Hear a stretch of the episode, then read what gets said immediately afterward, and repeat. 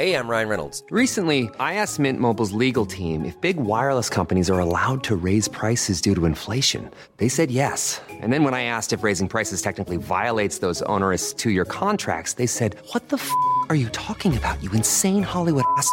So to recap, we're cutting the price of Mint Unlimited from $30 a month to just $15 a month. Give it a try at mintmobile.com slash switch. $45 upfront for three months plus taxes and fees. Promo rate for new customers for limited time. Unlimited more than 40 gigabytes per month. Slows. Full terms at mintmobile.com.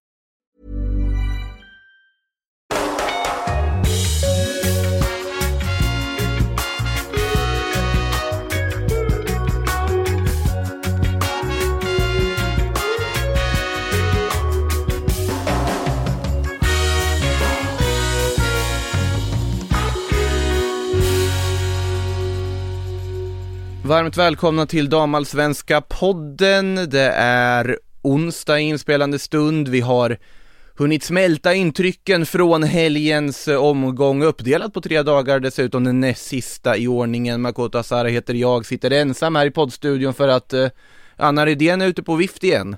Eh, föga förvånande får man väl säga.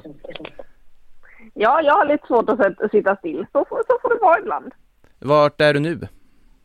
Eh, just nu så är jag faktiskt i Växjö och mellanlandar. Jag har en liten tripp här nere i södra Sverige med eh, dels då guldmålningen som vi gjorde i måndags efter FC Rosengårds seger mot Eskilstuna och eh, så ska jag göra lite mer jobb som väntar och som vi kommer kunna se på Sportbladet framöver även inför galan som ju väntar. Så att ja, det är fullt upp.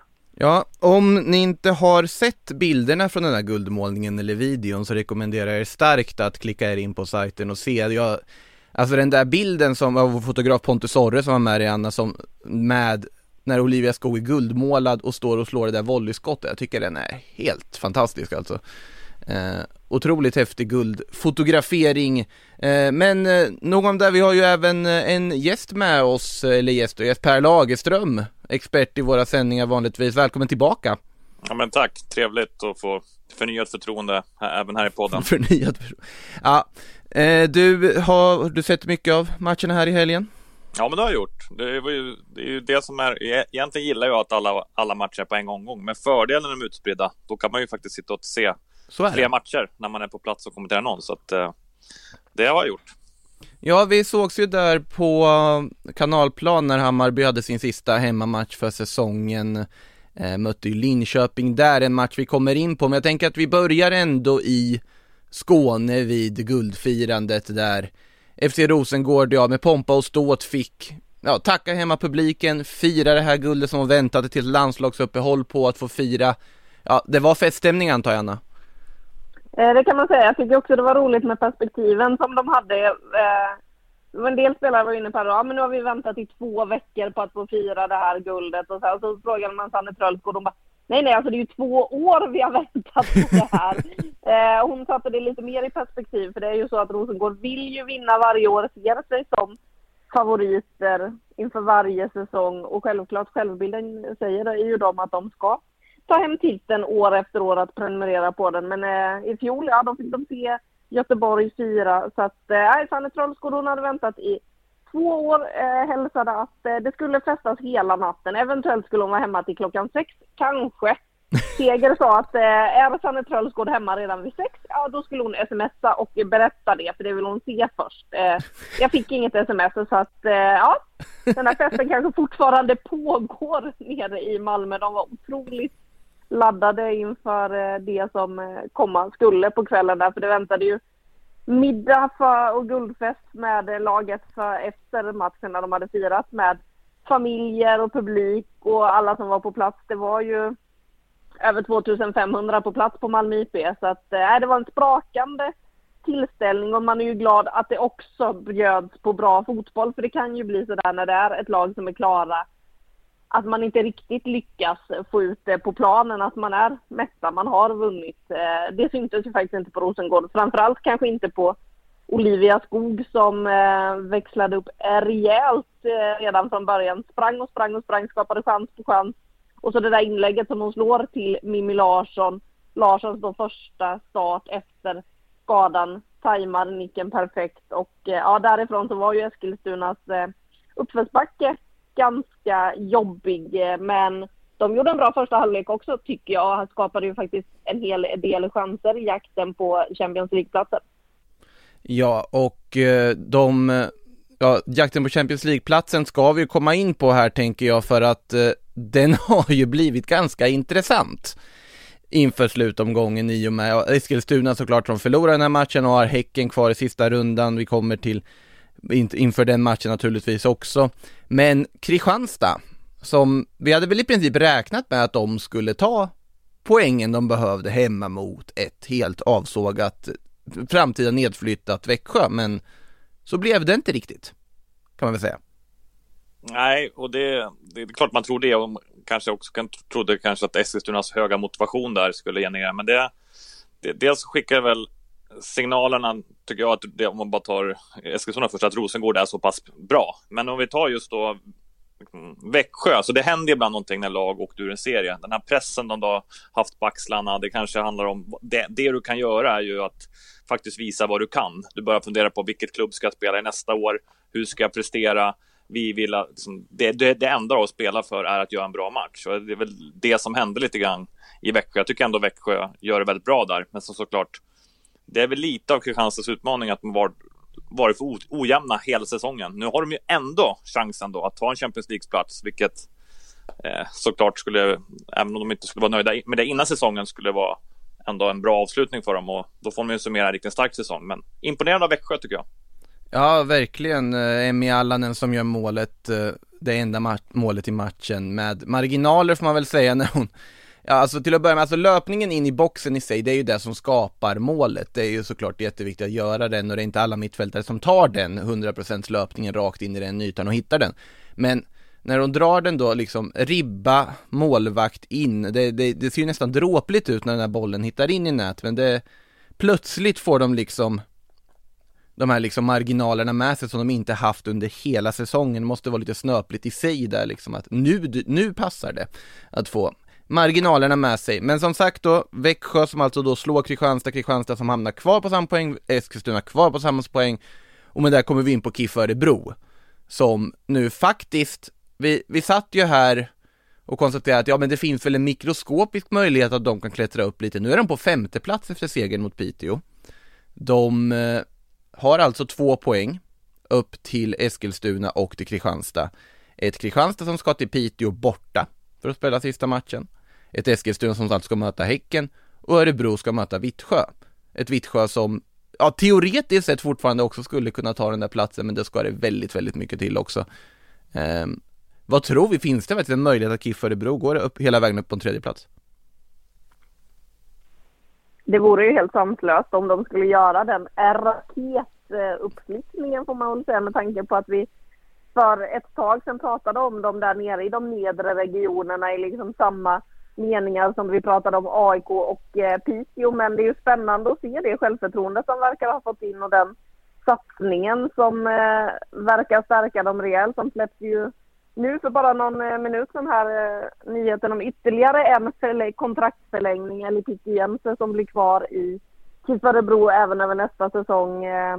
Och ja, nej, men de verkar ju ha något jäkligt spännande på gång. Sen är Vittsjö borta, ingen lätt bortamatch, få åka ner och spela inte. av. De har, de har ju sitt försvarsspel eh, med eh, Sandra Adolfsson i spetsen och så Sabrina D'Angelo som man då måste få hål på om man ska lyckas vinna den där matchen. Men ja, jag tycker det är kul att den här tredjeplatsen, med tanke på att guldet avgjort, vi vet att Växjö kommer att åka ut, så är det ju härligt att det finns många ingredienser i CL-soppan inför den sista omgången. Ja, Ja, Ja, det är, alltså, man måste säga att det är grymt spännande. Jag håller ju Kristianstad då som, som favoriter. De har Piteå borta, Piteå är inte i form. Och de, men som sagt, vi vet ju Piteå borta vad som kan hända. Det är ingen, de, skulle, de skulle kunna åka därifrån i noll. Och BK Häcken, ny tränare, vill också visa upp sig. Att de slår Eskilstuna borta, inte alls. Eh, skulle inte vara en jätteskräll. Och då har vi den här matchen mellan Vittsjö och KIF Örebro. För jag tittar, tittar här även på tabellen. Skulle Vittsjö vinna ja, med två bollar, eller det kan räcka med en boll, då har de plus, då har de plus fyra målskillnad. Skulle Kristianstad förlora med två, då har de plus fyra. Så skulle, skulle Vittsjö vinna med 2-3-0, då, då är de trea. Så att den match, alltså Vittsjö-Örebro-matchen är ju oerhört spännande. Men också att, att Örebro är där och knackar på dörren. den, det får man ju ändå ha en otrolig respekt för och en, och en fantastisk prestation över en hel säsong. Så att eh, ja, den, matchen tycker jag är, en, en magisk avslutning på en serie där allt kan hända. Ja, det, det ska bli ytterst intressant att se vad de får för, får, får för sig att göra. Det ska ju sägas också att sen vi poddade senast när vi pratade lite om Örebros kontraktsförlängningar och så vidare så har man ju även förlängt med Carl Wickenheiser till mittfältet så att alltså man, man har ju verkligen allting på plats också till nästa säsong. Sen har man väl inte förväntat sig att de skulle få den här utväxlingen nu. Kan väl slänga in en, en liten ja, lyssnarfråga vet jag vad man ska kalla det, utan mer ett konstaterande om vad vi borde prata om från, från för, ja, det är ju lite bias eh, avsändare i form av Fredrik Stengar, Örebro-ordförande, men han bara, Anna Sandberg, det räcker så. Eh, var ju strålande den här matchen, assisterar Heidi Kollanens 2-0 mål mot Piteå också. Eh, den, den liksom utveckling hon har fått på den vänsterbacksplatsen, det har vi pratat om förr, men det är ju återigen imponerande. Ja, från klarhet till klarhet. Jag är knappt eh, känd. Även, jag har ändå jobbat med ungdomslandslag länge. Hade klart lite koll på henne, men liksom man inte trodde man att det skulle bli en, en nyckelspelare i OBOS damallsvenskan som faktiskt var den här matchen. Så att hon tar ju steg hela tiden och det är häftigt. Hon är inte ensam heller. Nu fick ju även Emilia Pelgander starta mm. på innermittfältet och där har ju det tycker jag, för att annars Ibland tycker jag Örebro kanske har lite har haft en del internationella spelare. Det ska vara krydda tycker jag. Det är fantastiskt. Men nu har de ju också eh, den strategin de pratade om för något år sedan. Att de ska satsa på sina egna spelare, unga talanger kombinerat med lite kryddor internationellt och sen faktiskt ett mittenskikt av spelare där man har plockat spelare, värvat klokt från många klubbar, spelare mitt i karriären Eh, tänker på Hoff Persson och så liknande. Mm. Så att, eh, det, det, är ju ingen, egentligen ingen slump att de börjar bra resultat. Att de gör sådana här resultat, det hade man nog inte väntat sig. Men det, det finns sen, tycker jag, en tydlig strategi bakom deras sätt att jobba som jag blir imponerad av. Och den verkar bara fortsätta med de här kontraktsförlängningarna och hur klubben kommunicerar och aktiva man är. Ehm, det är ju imponerande med tanke på bara för några år sedan hur den ekonomiska situationen såg ut i klubben när de även åkte ur. Det var oerhört känsligt läge så att eh, ja, beröm tycker jag de ska ha för helheten.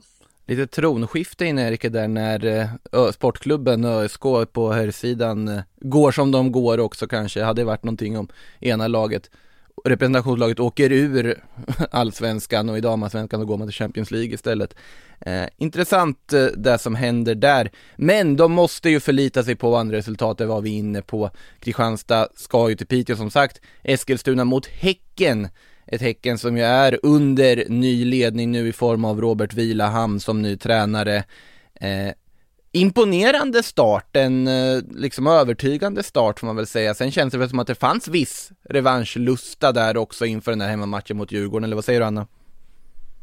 Absolut, och de har ju själva varit inne på från spelarhåll där att det har knakat under hösten. Det är saker som inte riktigt har funkat och nu ser man väl chansen att eh, använda det här tränarbytet, en ny röst in i omklädningsrummet till att faktiskt få till en liten nytändning. För nu behövs ju nytändningen bara i några matcher. Det är damallsvenskan i all ära, men vi har ju Champions League-matcherna alltså som väntar för Häcken och som är det viktiga såklart för dem.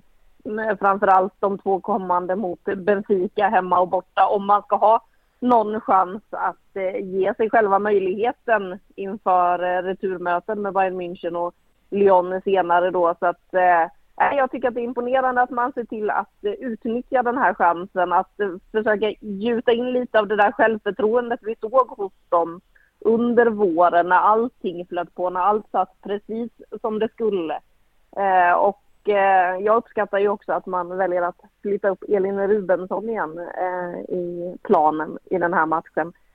4-0, det, det talar ju sitt tydliga språk, det gör det en skaplig signal ändå tycker jag också från nye tränare direkt plocka upp Rubensson på mittfältet i sin första match dessutom.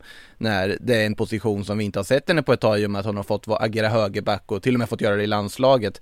Direkt här nu, rakt in på innermittfältet bredvid Filippa Kurmark och det gav ju otrolig effekt och då, då hade ju Stina Blackstenius det ytterst roligt när hon fick bollar serverade till sig i straffområdet, gjorde ett hattrick, punkterade väl sannolikt, skytte, eller sannolikt, ja hon punkterade skytteliga kampen i alla fall eh, med det där hattricket, mål nummer 15, 16 och 17. Jag vet jag pratade lite med henne igår och då sa hon det att ja, att det verkligen har varit en energiboost när den nya tränaren kommit in, att det blivit någonting nytt på så vis, för det här är en tränare de inte har jobbat med tidigare, även om det varit i Häcken så har det ju varit på herrsidan som assisterande som Vilahamn har varit, så att det är ju ett nytt nytt namn, nya tankar, nya idéer och ny energi som nog kan liksom ge dem en push här mot det här liksom avslutningen av Champions League där ju man är ganska revanschsugna också med tanke på hur de första två matcherna gått, må så vara mot motstånd som är betydligt bättre och motstånd som man inte kan förväntas vinna mot. Men här mot Benfica, ja då gäller det att verkligen få med sig ett bra resultat som bygger tro inför nästa säsong om inte annat när man ska försöka ta tillbaka guld, guldet från Rosengård. Så ytterst intressant hur det kommer gå med Häcken där i Champions League-spelet som stundar, om inte annat. Eh, slänger in en fråga till här också från vår kommentatorskollega Marcus Bylund som undrar, borde Häcken vila sin startelva inför Benfica nästa vecka? Det vill säga alltså spela kanske lite mer reservbetonat lag mot Eskilstuna. Det är lite känsligt med tanke på att det är så mycket som står på spel för andra lag samtidigt, men om ni var Robert Vilahamn, vad skulle ni göra då? Nej, det skulle jag absolut inte göra. Däremot mm. kanske skulle ha det i beaktning i slutet av matchen om det är någon spelare som är sliten eller liknande, att man kanske gör ett byte. Men han behöver ju också sätta, spela ihop laget utifrån liksom, hans filosofi att spela fotboll om de behöver några matcher. Eh, så att, och de här spelarna är också, liksom, många är ju professionella fotbollsspelare och liksom landslagsspelare. De, de ska klara den här belastningen. Och Damallsvenskan har inte speciellt många matcher heller. Och just av den mm. anledningen så tycker jag att det inte, tycker egentligen att det är en icke-fråga. Um, i det, även fast jag förstår att den ställs. Men jag tror att de behöver spela ihop sig och jag tycker också om man tittar på Häcken nu att um, titta på spelarna som, som är i laget ändå än så länge. Nu är fortfarande Kullberg Sigiotte kvar här, Kullberg spelare sist. Att det här är ett lag som ska kunna liksom, matcha Benfica. Det här är mm. klassspelare som spelar dels i svenska damlandslaget, många med även i andra landslag. Det här 4-0 mot Djurgården, så ska det se ut. Jag tycker att man ska kunna kräva mer av Häcken. Det här, här ser man deras högsta nivå. Så att jag har stora förhoppningar här nu inför Champions League. Det är mer hur man ska ersätta då Kullberg Sigiotti eller om de lyckas förlänga med dem. Det är orosmomentet. Annars så tror jag förväntar mig sex poäng ska inte vara omöjligt med, med de här spelarna och även med den breda truppen. Titta på vad de hade på bänken sist. Liksom, Kolmats är tillbaka, Sigiotti Holme, Somers, Mijatovic, Karlenäs. Det är ju ingen, liksom, det är klass på den bänken. Mm. Nej, jag, jag håller helt med att alltså, man tittar på laget också, man bortre bänken bara på startelvan. Det är spelare som är frekvent förekommande i ett av världens bästa landslag. Och Benfica, ja, det är såklart en klassisk klubb, såklart en klubb som kan hota, såklart en klubb som har kvaliteter. Men det är en klubb som inte ska vara på samma nivå som BK Häcken på damsidan. Så är det, för att portugisisk fotboll är inte på samma nivå, den är inte riktigt i närheten av att vara än. Så att ur den aspekten, så även om man kan får att se ut som en väldigt tuff match när man bara tittar på lagnamnen så är ju faktiskt BK Häcken ett lag som borde gå in som favoriter i det här dubbelmötet rakt av. Ja, eh. och jag tycker man ska prata om det också, alltså de själva och det självförtroende tycker jag vi ska ha i svensk fotboll. Titta hur landslaget går. Det, det är egentligen det självförtroende som Rosengård har i OBOS damallsvenskan, otroligt så här, det förvänt, de har förväntningar på sig att vinna och de går mm. ut och levererar på det. Det tycker jag nu att BK Häcken ska kunna ha de här Champions League-matcherna. Det är ett liksom, topplag i, i, i OBOS damallsvenskan med de här spelarna. Det, liksom, där tycker jag inte vi ska be om ursäkt. Alltså, jag, jag har faktiskt större förhoppningar på klubblagen ska, ska kunna ta sig längre, klart med, längre liksom än på här sidan. Um, till gruppspel, vidare till slutspel. Det är, vi är en klassnation. Det är inget snack om det det är ganska viktigt också med tanke på att just gruppspels, alltså vägen till gruppspel nu när vi har fått den liksom på papper den här första, första gruppspelsäsongen så är det ju uppenbart att mästarlaget utifrån den sidning man får som, som mästarlag, utifrån den motstånd man får som mästarlag, då ska det nästan vara i krav att ta sig till gruppspel. Att om du inte lyckas med det här så är det ett monumentalt fiasko. Uh, utifrån hur det ser ut nu. Däremot om du kommer tvåa och hamnar i den här League Route istället, ja det såg vi vad som hände med Rosengård när man får i, i sammanhanget en lätt lottning men ändå en fruktansvärt svår lottning i och med vilka extremt starka lag som fanns i de liksom potterna. Men som mästarlag då ska man ta sig till gruppspel, Sverige ska ha ett lag i gruppspel varje år. Det, den kravbilden håller jag med om att den måste man ändå ha. Sett till vart damallsvenskan är. Verkligen, och sen tror jag att man ska försöka få med ännu fler, för nu börjar det komma in pengar. Det kommer komma mer pengar hela tiden mm. och nästa år kommer det bli två matcher, eller fyra matcher till i Obos Svenskan. Eh, och då kanske man behöver kräva större trupper. Så det här är någonting jag, liksom, jag får chansen här, medskick liksom till, dels till EFD men även kanske till Svenska Fotbollförbundet. Hur kan vi investera i de här klubbarna som ska spela Champions League nästa år? Hur kan vi säkerställa att vi vet att det handlar om ekonomi, men att kanske de klubbarna har resurser att kunna värva några fler spelare, ha större trupper eh, och på så sätt lyckas vi ta oss till Champions League kommer pengarna in i klubben. Eh, då kan de kanske sälja spelare, då, kan då gynnar pengarna hela OB Svenskan. Så att jag skulle gärna se en investering i samtliga lag nästa år så att vi får minst två lag i gruppspelet. Jag tror att vi har, håller den nivån. Mm. Anna, någonting att tillägga till diskussionen? Nej, jag, det jag håller med Per om där är ju dels att det behöver hjälpa till att satsa på klubbarna så att de kommer in där med tanke på att det kräver lite mer. Men också mm, när jag pratade med folk runt Rosengård då mm. i måndags eh, så märker man ju fortfarande vilken besvikelse det var för dem att de rök i kvalet Champions League. De själva hade ju räknat med att de skulle vara med i det här första historiska gruppspelet. Det var ju en rejäl missräkning att åka ut mot Hoffenheim eh, och kanske framförallt på sättet man gjorde det också. Så där, Så att eh, visst ska vi kunna få in två svenska lag i eh, ett Champions League-gruppspel utan att det ska behöva vara som så att man måste ha tur med lottningen utan nej, vi borde kunna ha svenska representanter i det där gruppspelet nästa säsong. Det är ju därför det är så fruktansvärt viktigt att Häcken gör det man på något sätt ändå kan förvänta sig att de ska göra mot Benfica, det vill säga ta de där sex poängen. För att det är ju det som kommer att avgöra hur vägen till gruppspelet ser ut. För att det, alltså att man kommer att ta sig förbi Lyon och Bayern München i gruppen, det är ju osannolikt att man kommer lyckas göra, men däremot bara ta de, alltså segrarna mot Benfica ger ju koefficientpoäng som gör att ja, man kommer kunna bibehålla liksom någon form av system där du faktiskt kan få in lag, att det är möjligt att få in lag. För annars så blir det ju bara en ond spiral att om det går dåligt i gruppspelet och du tappar placeringar, ja då kommer det bli svårare att ta sig till gruppspelet och sen så sitter du i någon sorts form av moment 22 där du inte riktigt kan liksom rädda upp det oavsett vad du gör.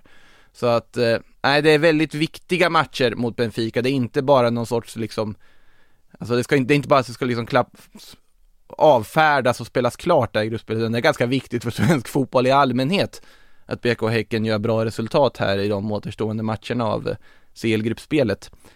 Eh, vidare, vi, vi, nämnde ju skytteligan lite kort där, Sina Blackstenius har säkrat den. Eh, nog kanske blev lite pressad av det som hände under lördagen för att eh, när Hammarby då skulle tacka av sina hemmafans första matchen på kanalplan efter publikrekordet ja då var det ju Chenna Grace Cano som kraschade festen kort och gott eh, ja, strålande insats av henne om inte annat och även av Linköping i övrigt, eller vad säger du Per?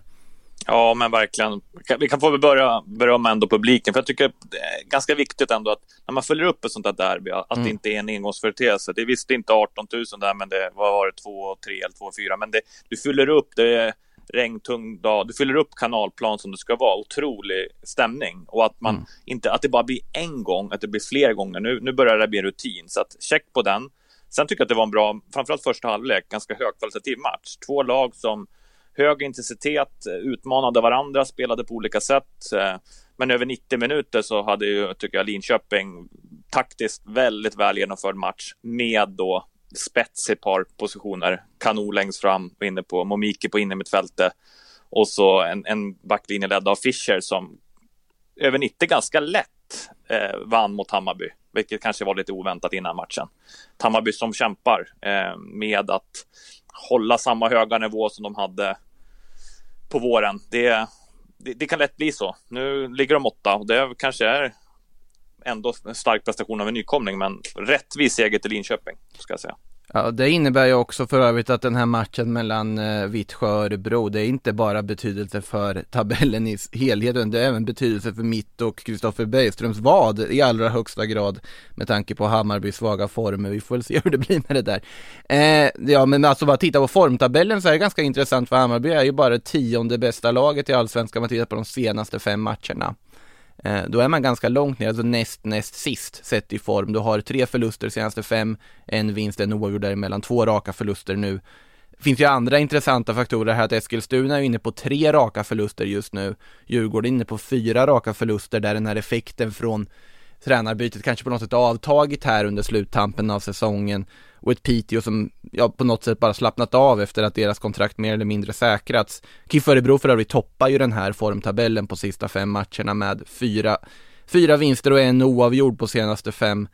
Eh, nej men alltså, någonting att notera med Hammarby här också, att efter matchen såklart det är ju Inför sina hemmafans att förlora så är det ju såklart ett frustrerat lag, men det är väl lite uppenbart att i många matcher där man har tappat poäng så är man av inställningen att vi förtjänade inte att tappa de poängen. Vi förtjänade att leda den här matchen eller vi borde inte ha legat under snarare än att det blir något att det, det inte fungerar. Det, det, är lite en sån känsla jag har fått i alla fall hur mycket man pratar med spelare efter att man, man har en väldigt stark tro på sitt grundspel. Sen så blir det på något sätt att man blir fundersam, konfunderad när inte det här grundspelet ger resultat som i de matcherna vi har sett här under hösten. Lite mot Linköping här också när, ja, man, man utnyttjar ju Hammarbys eh, försvarslinje, de, kunde, de hade ju inget svar på när de där djupledsbollarna från Kap också, Momiki hittar in liksom och kan nog bara springer förbi och placerar in dem. Um, finns nog lite ändå att jobba på för Hammarby om man ska liksom nå de väldigt höga ambitioner som den klubben har, det vill säga vad, ta en Champions League-plats nästa säsong. För det känns ju nästan uttalat att det är det som är nästa steg för dem när de har etablerat sig i serien. Eh, vad skulle ni säga behövs liksom, vad är det Hammarby speciellt behöver för att nå ta det här nästa klivet? Det är väl eh, lite av problemen de har fått har ju att göra med skadesituationen de har haft på sitt mm. defensiva mittfält. Att tryggheten där, att det har varit en hel del skador på Fanny Hjelm och Hanna Folkesson. Två bärande spelare ändå i deras sätt att spela. Och sen så verkar det ju lite ha gått roll i att de själva inte riktigt förstår vad det är som gör att de inte längre kan spela den där fotbollen som de lyckades med på våren. Att man har tappat den tron lite och börjat ifrågasätta att ja, men spelar vi för svårt? Och man bara, men det gjorde ni ju inte i våras. Varför skulle spelet vara för svårt för er nu när det är samma spelare? Så att lite hitta där i vad det är som har gjort att det har gått troll i spelet under hösten och sen ja men kanske någon, något mer nyförvärv med lite rutin men eh, jag tror framförallt på det där mentala att hitta tillbaka till grunden det som de var när de kom upp, det spelet som satt då, att det behöver sitta till nästa säsong och eh, att man inte börjar ifrågasätta om man spelar för svårt eller inte.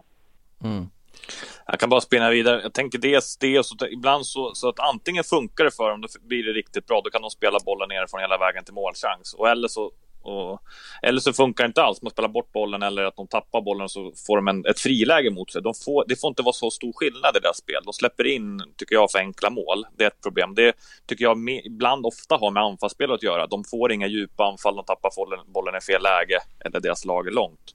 Så att jag tror att de måste hitta ett, ett sätt i spelet som gör att det, det får inte vara så stor skillnad.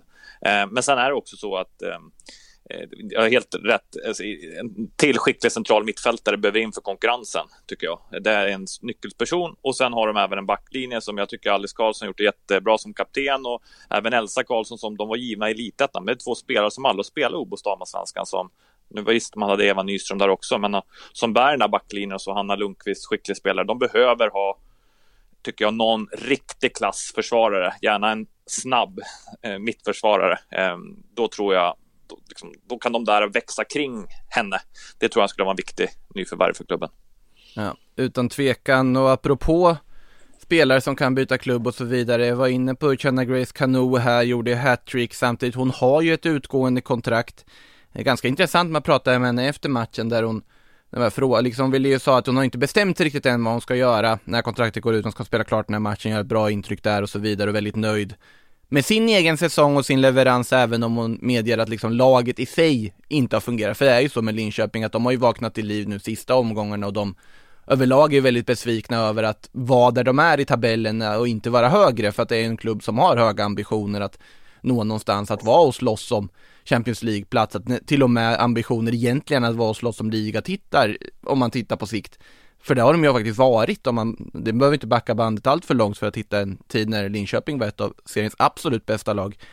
Men Kano i alla fall, som har varit jätteviktig för dem, hon har ju utgående, sa ju det att, ja, jag vet inte vad jag ska göra, men han ställde frågan vad, vad är det liksom som är prioriterat när du letar klubb? Då var det ju topp tre, Champions League, topp, liksom att gå till en riktigt bra klubb som är en riktigt stor utmaning. Men utesluter ändå inte att vara kvar i Linköping.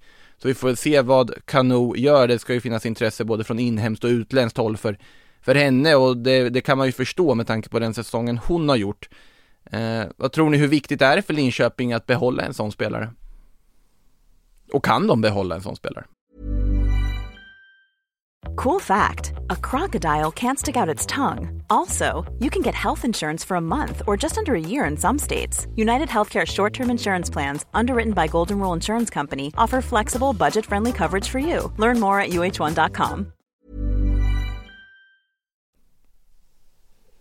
Jag tror, att de, jag tror att de kan absolut. Jäglers är ju en skicklig tränare, han jobbar säkert med spelarna mm. där och det känns också som Linköping skulle kunna ha en hel del muskler. Um, Sen som sagt kommer de inte spela Champions League nästa år. Jag tror att det är både lag i Sverige. Eh, titta på lag som Eskilstuna, skulle de ta sig till Champions League, tappat, tappat Kulashi, sålt spelare under säsongen. Jag undrar inte om de skulle vara väldigt sugen på en till snabb forward. Även andra såklart. Häcken tappar kanske Blacksten, mm. så att mm. även internt tror jag att det blir dragkamp om henne. Um, men uh, just nu, men gör, gör man sådana där prestationer så kommer hon även vara aktuell för internationella klubbar och då mm. kommer klubbarna i Sverige inte kunna konkurrera med lön. Så att det handlar väl om hur, hur rotad har hon hunnit blivit. Hon har spelat två raka säsonger i Linköping. Trivs hon bra i Sverige kan vi liksom, och hitta en långsiktighet och en längre kontrakt så kanske hon stannar. Ja, det beror på. Det blir spännande att se, silly season. Ja, det, det, är ju redan igång med kontrakt för, en, för vad heter det, förlängningar både åt ena och andra hållet. Vi har varit inne på KIF Örebro, ska nämna där. Eskilstuna nämnde du ju, Anna Oskarsson förlängde ju där nyligen bland annat där också. Eh, det, det sker saker i alla fall här och arbetet har hunnit börja. Men om man då ska försöka utvärdera arbetet som har varit, nu slänger jag in en Marcus Bylund-fråga till här bara för, bara av farten. Seriens bästa nyförvärv den här säsongen? På rak arm. Det är inte en helt lätt fråga för det är ganska många nyförvärv och ganska många som gjort det väldigt bra. Men eh, Olivia Skog. Jag tänkte precis säga det att Olivia Skog känns väl som en ganska god kandidat i det. Anna, du får, du får lägga ut motiveringen. Ja, men väldigt mycket med tanke på vad hon har betytt för Rosengård med i eh, form av alla målen hon har gjort. Eh, den energispelaren hon är för dem också. För det ser man ju när det kanske inte riktigt finns den där tändningen eller om det är lite avslappnat i Rosengård. Då kan man titta på Olivia Skog och så taggar hon igång alla igen. Hon har ju en otrolig intensitet i sitt spel och dessutom då målen hon har dragit till med den här säsongen, den ena drömträffen efter den andra som har gjort att Rosengård eh, plockar poäng på löpande band och som också då gör att hon nu lite lever i sin dröm, den där drömmen om att få vinna ett SM-guld, att faktiskt få bli guldmålad efter jag har aldrig sett en så uppspelt spelare inför guldmålningen. Hon hade också en otrolig assistans av eh, lagkamraterna Fiona Brown, Emma Berglund och ja, Caroline Seger kanske inte assisterade så mycket, hon mest dokumenterade det mesta. Fiona Brown hjälpte till och eh, guldmålade Olivia. Emma Berglund var med och coachade. Fick eh, Olivia att släppa loss rejält framför kameran. Så att ja, nej, det var en intressant guldmålning och den energin som hon har då inte bara i det där omklädningsrummet i, på Malmö IP efter det säkrade guldet. Det tycker jag gör att hon borde räknas som eh, det bästa nyförvärvet den här säsongen. Per, håller du med? Ja, det är väldigt svårt att, att, inte hålla med där. Du nämnde en spelare som jag hjälpte till som jag tycker också är central i Rosengård. Ah.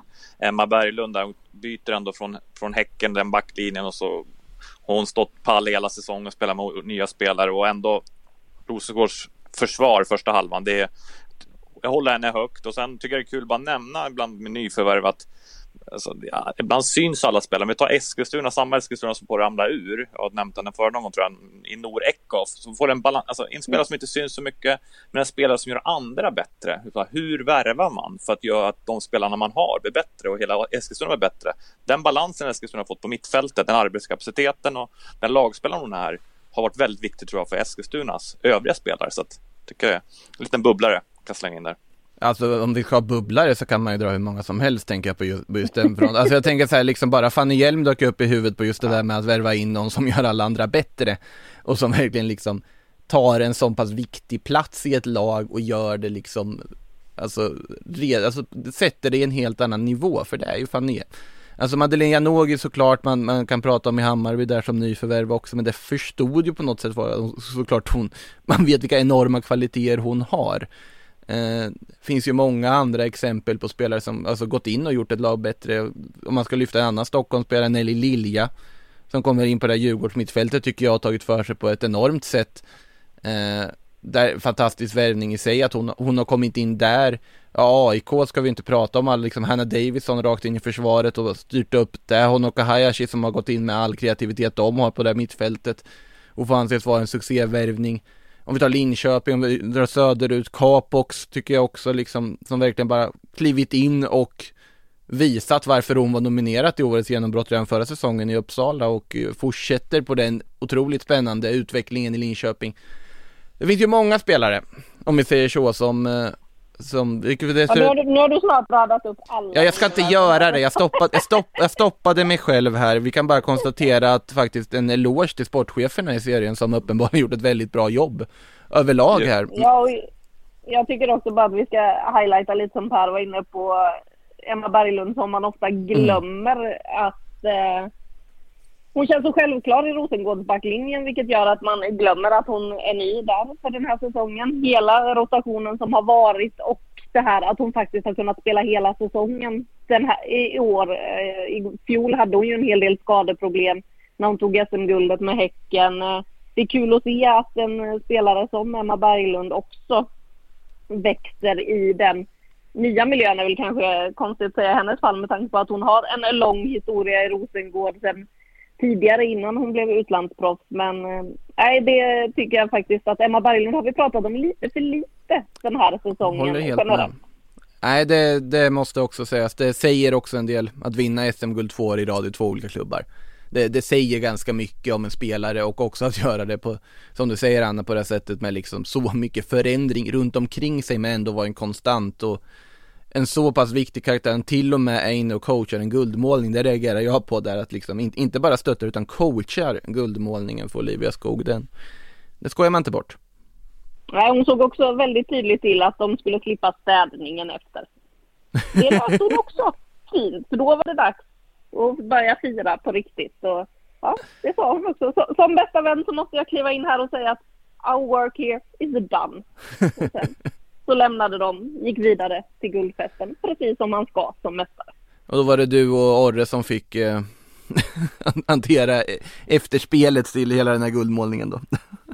Absolut, med eh, stark assistans av Rosengårds eh, presschef eh, Louise Eklund. Hon eh, fick, hjälpte också till en sväng där inne och svabbade golvet. För när den där champagnen sprutar i ett omklädningsrum, ja, det luktar en hel del och den fastnar på diverse ställen. Det var också guld i princip hela omklädningsrummet. Så det hade att göra en liten stund efter guldmålningen också. Fast skulle de inte bara behållit det guldfärgat? De har ju ändå den självbilden liksom att det, ska väl påminnas om. Hade de själva ägt eh, lokalen? Ja, ah, just den lilla detaljen ja. Den, den lilla, lilla detaljen. Uh, äh. Ja. Men eh, så är det Rosengård alltså som fick eh, fira med pompa och ståt. Men det är ju en omgång kvar och vi har varit inne på hur spännande den där striden, den enda levande striden är. Eh, Öre, Vittsjö-Örebro känns väl uppenbart som en av de här matcherna som man kanske har på, på, åtminstone en av skärmarna i den här slutomgången. Vad ser ni annars mest fram emot med den avslutande omgången som stundar? Ja, men det är ju matcherna som är inblandade i CL mm. striden så är det ju. Det är ju det som blir det mest intressant att se. Ett Rosengård som liksom har firat sitt guld i en vecka borta mot Djurgården. Ja, det blir väl vad det blir. um, lite så känns det. Och det blir ju så när matcherna blir avslagna. Man vill ju ha de här matcherna med nerver. Så att jag ser fram emot matcherna där alla lag eh, som kan knipa sig hjälplatsen. Det kommer att vara igång x antal matcher på mina skärmar på lördag. Du, du kör eh, skärm, skärmlösningen istället för på platslösningen på slutomgången då? Det får nog bli så. Vi har ju lite att fixa inför en viss eh, gala som går av stapeln om mindre än två veckor. Så att, eh, jag, kan, jag måste nog inse att jag inte kan hålla på och åka runt hela tiden. Det smärtar, men ja, jag kanske måste fokusera lite också. Ja, Per, för din del, är det någon särskild, är du på plats någonstans? Ja, men det ska jag nog vara. Och inte ska synka det var jag, var jag kan få komma. Men det är tanken att har man chansen att få se en live-omgång till, då gör man det och får mm. prata lite fotboll. Eh, men annars tycker jag ändå, nu är det tre matcher som det inne gäller. Det är väl ändå en signal till att det inte är helt optimalt att en serie. Dels att ett lag åker ur så här, att det inte är spännande. För det ska ju vara så oerhört spännande tycker jag. Både liksom de näst sista, sista, de tre sista omgångarna. Det är ju det som kan bygga intresse kring en hel nästa säsong. Så att lite olyckligt att vi bara har ett lag som åker, att det är klart. Nästa år blir, tycker jag, blir, åka två lag i all, eh, där uppe. För, dels är Rosengård eh, alldeles för bra, eller de är fantastiskt bra och de vinner rättvist, inget snack om det. De är liksom allt från spelet till organisationen, hur de har värvat, hur de har hanterat nya tränare. Respekt. Häcken är tillräckligt bra att vara tvåa. Det är liksom inget snack. Två lag är bättre än alla andra. Sen har vi en tredje plats till kamp om, men sen har vi också tyvärr en bottennivå som där Växjö har tagit för lite poäng. Jag ser fram emot en serie med faktiskt, sen om det är rätt eller fel kan vi debattera, men att det blir en serie med 14 lag, får vi se fler skikt. Förhoppningsvis så får vi också, jag tror det blir tuffare i, liksom, i botten, tror jag kommer få tydligare skikt, kanske två olika mittenskikt. Sen är jag lite bekymrad eh, över toppen. Liksom. Kan det komma in lag och konkurrera med Rosengård Häcken? Eller framförallt, hur kommer Häcken hantera det här? Blir det bara Rosengård där uppe? Eh, som det ser ut nu så har de ett väldigt försprång. Så att, eh, jag ser fram emot en tabell där, eh, där det ska leva alla typer av fighter hela vägen in. Det hoppas jag att vi får nästa säsong. Ja, nu det här med en ner är ju en engångsföreteelse men samtidigt såklart det lägger en smolk i bägaren till liksom nu, nu får jag ursäkta att jag är lite opåläst i just det här sammanhanget men i och med att det blir 14 lag kommer vi få kvalmatch. Är det ens Bra bestämt? fråga. Är det ens bestämt? Jag kommer inte ihåg exakt vad som Nej, är det tror jag. med hur det ser ut.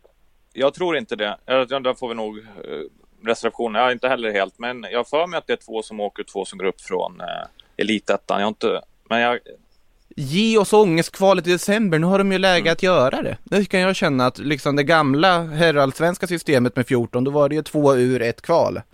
Fortfarande. Och den, Får- jag håller med, det är spännande. Det, händer ju, det bygger ju intresse längre um, åt alla håll och kanter. Så att, uh, men vi får väl se då, vi får reservera oss vad, vad som faktiskt är sagt där. ja, först, förstå den liksom känslan för ett elitettan-lag som kämpar sig upp på den där kvalplatsen. Jo, nu har vi chans att gå upp. Ja, bortamatch i Piteå den 5 december, i en kvalmatch.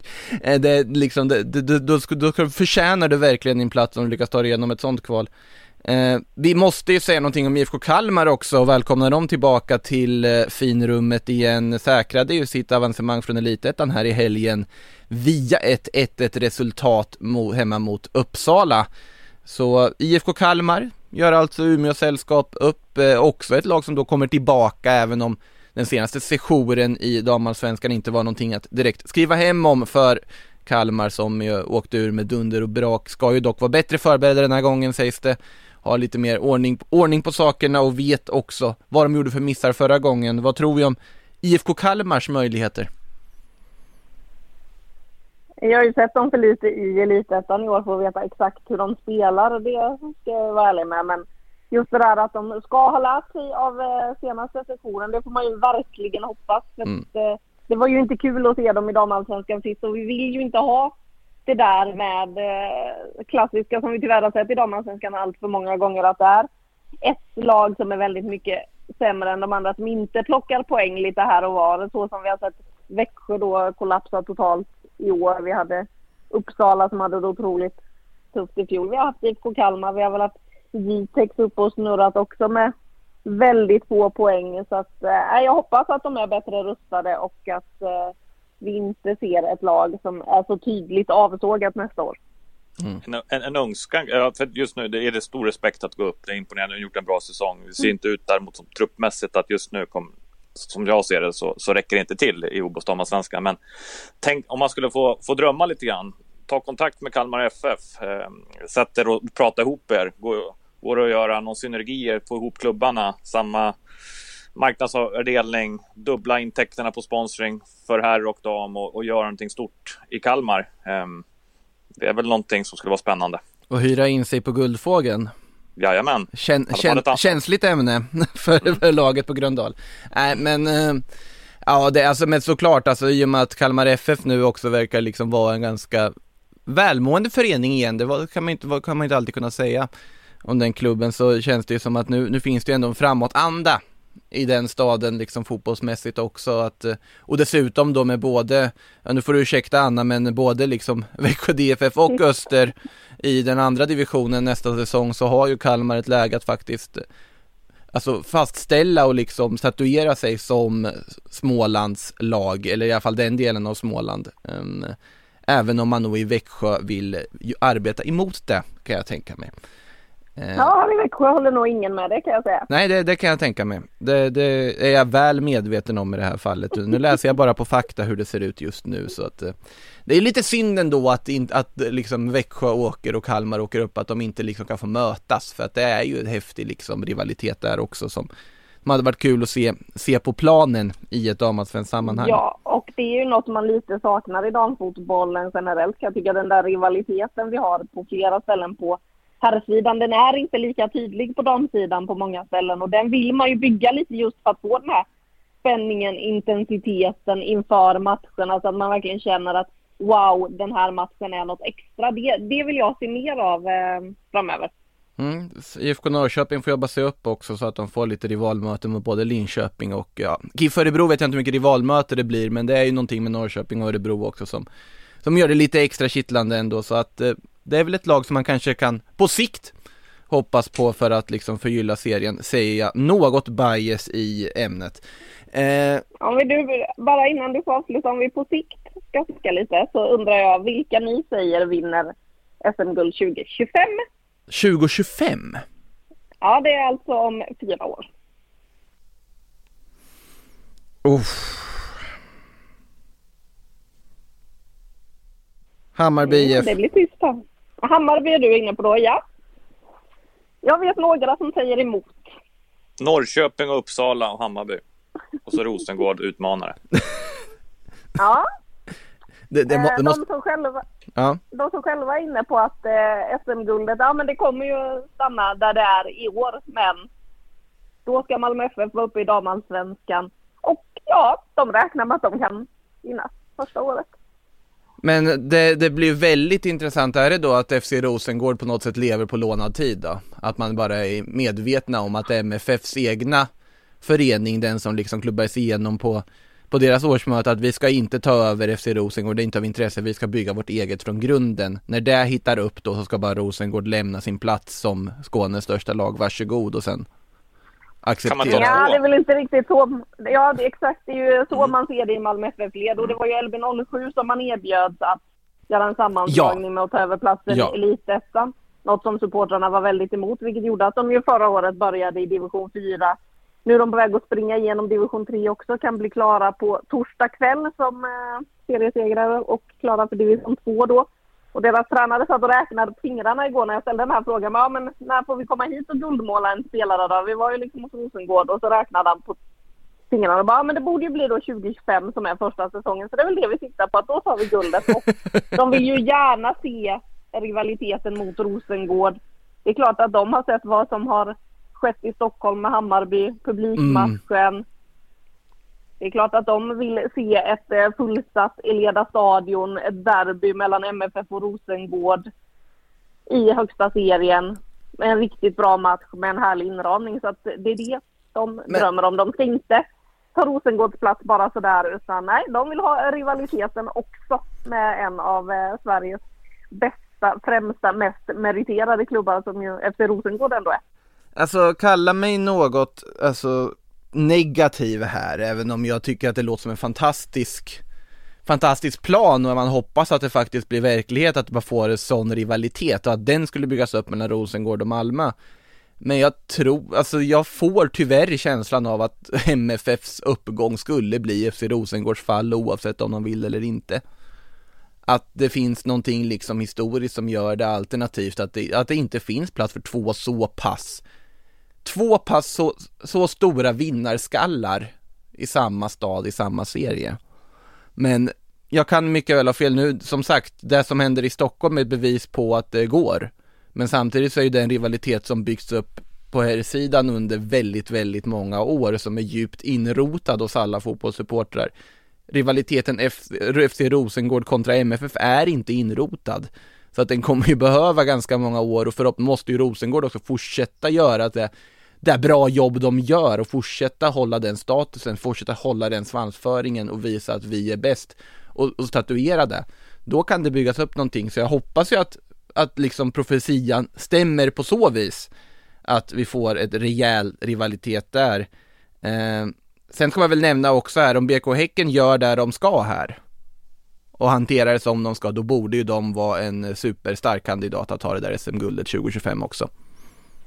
Eh, sett till så kan det, vara och vi ser ju också att det är ju fler klubbar på starka på här sidan som satsar och faktiskt lockar publik och har sig nu så att eh, det kan nog ha hänt väldigt mycket till 2025 med eh, fotbollen och intresset förhoppningsvis framförallt eh, när allt fler ger sig in och satsar. Det är ju inte bara Malmö FF som har en damsatsning som de blåser på men vi ser ju IFK Göteborg satsa, Helsingborg vill väl också in, Elfsborg starta. Alltså alla ska ju med på tåget nu, äntligen. Mm. Verkar de ha förstått att det är ett tåg värt att eh, åka med på, att man måste hoppa på det nu om det inte ska vara för sent. Så att, eh, jag vet inte ens vad vi har för fotbollsvardag 2025. Det, det känns spännande, det känns som att det är på uppgång och att det kan vara något väldigt roligt som ligger i framtiden. Mm.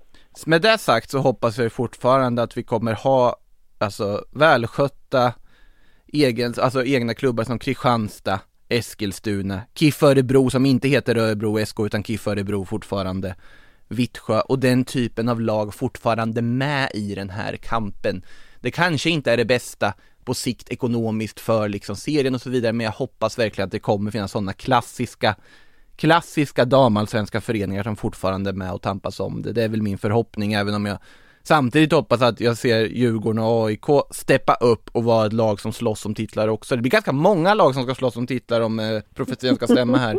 Får väl utöka Ja, just det här att vi ska vara en 14-lagsserie känns eh, liten om alla de här lagen ska Ja, 35 kan vi sikta på. 36 lag som nya Champions League-systemet på här sidan. Det, det, kan vi sikta på. Det, det blir roligt.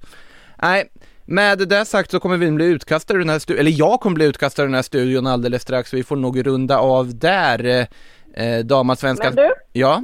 vi kan väl avrunda då med att säga att man ska börja hålla utkik nu för i veckan så kommer det börja komma ut vilka som är nominerade är till damallsvenskans bästa. Så är det absolut. Så uh, stay tuned och håll utkik. Verkligen, det, ni kommer, nomineringarna kommer att börja släppas här nu i veckan så att eh, håll koll på sajten där ni såklart läser allt det senaste in om damallsvenskan på Sportbladet. Och ni ser ju även hela slutomgången på Sportbladet Play. Eh, Anna Rydén, stort tack för att du ville vara med från Växjö. Per Lagerström, stort tack för att du ville vara med från, ja vart är du? Nej, idag är jag i Gävle. Du är i... Jag... Var du inte i Uppsala förra gången? Jo då, men nu, jag måste ta mig runt i Sverige. ja, herregud. Man kan sitta still med Makoto. Här sitter jag på min kammare på, på Västra Järnvägsgatan fortfarande. Så kan det vara. Vi får se vart man är till helgen, om inte annat. Men det sagt, tack alla lyssnare också. Så hörs vi snart igen. Tack och bock.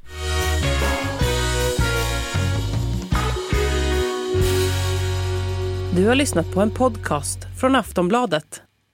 Ansvarig utgivare är Lena K Samuelsson.